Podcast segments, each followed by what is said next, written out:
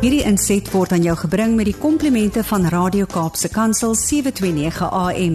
Besoek ons gerus by www.cape pulpit.co.za. Daar kom 'n dag waar al wat ons het dalk net kikkies en herinnerings is. Mag hy ons help om ons prioriteite reg te kry sodat ons die lewe kan beleef met en sonder fotos.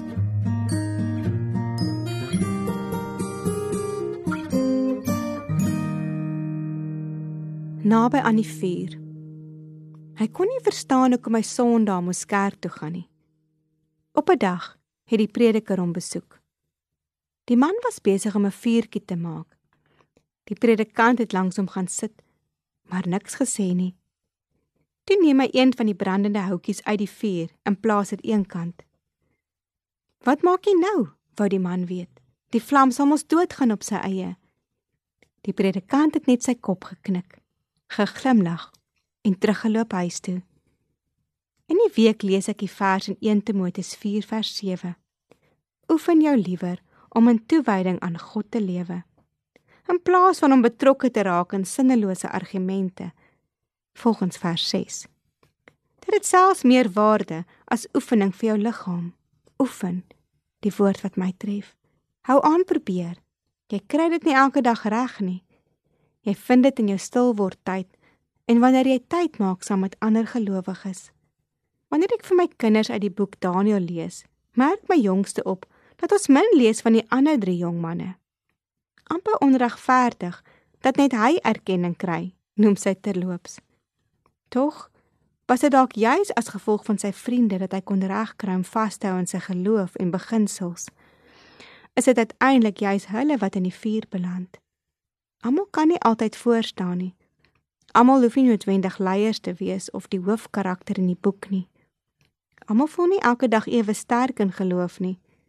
Daarvoor het ons 'n gemeenskap van gelowiges nodig. 'n Paar jaar gelede het my seun 'n situasie beleef waarvan die meisies nie wou hê dat hy saam met die groep moes speel nie. Elke dag het hy met hangskouertjies by die kar aangekom. Al raad was later dat ons daaroor moes bid. Die volgende dag het hy met stralende oë uit die skool gekom.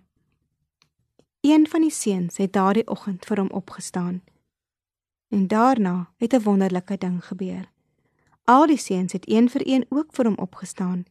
Die ultimatum was gestel: of hy speel saam of die seuns speel op hulle eie. Die meisies het nie veel van 'n keuse gehad nie en my seun se glimlag was terug. Ons het daardie dag die krag van gebed beleef maar ook dat dit een dapper seun gekos het om op te staan, maar 'n groep nodig gehad het om 'n impak te maak. Elke dag stap elkeen sy eie paadjie, almal met ander pakkies. Om daagliks te oefen om toegewy te lewe, maak uiteindelik nie net 'n verskil in jou lewe nie, maar moontlik ook op ander. Soms beteken dit om op te staan vir wat reg is, om iemand moed in te praat, hoop te gee ander kere dalk net 'n oor te wees wat kan luister. As jou vlammetjie vandag sukkel om te brand, het jy dalk 'n vuurtjie nodig. Begin by die Here se voete, by sy woord en soek daar na mense wat met hoop lewe. Raak betrokke by mense wat swaarder kry as jy. Lees goeie boeke. Wees versigtig waarna jy luister en waarmee jouself besig hou.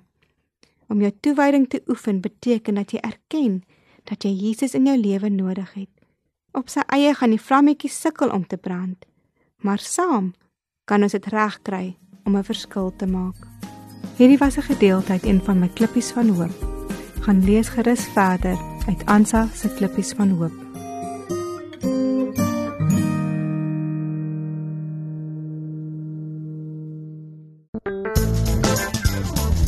Hierdie inset was aan jou gebring met die komplimente van Radio Kaapse Kansel 729 AM. Besoek ons gerus by www.cape pulpit.co.za.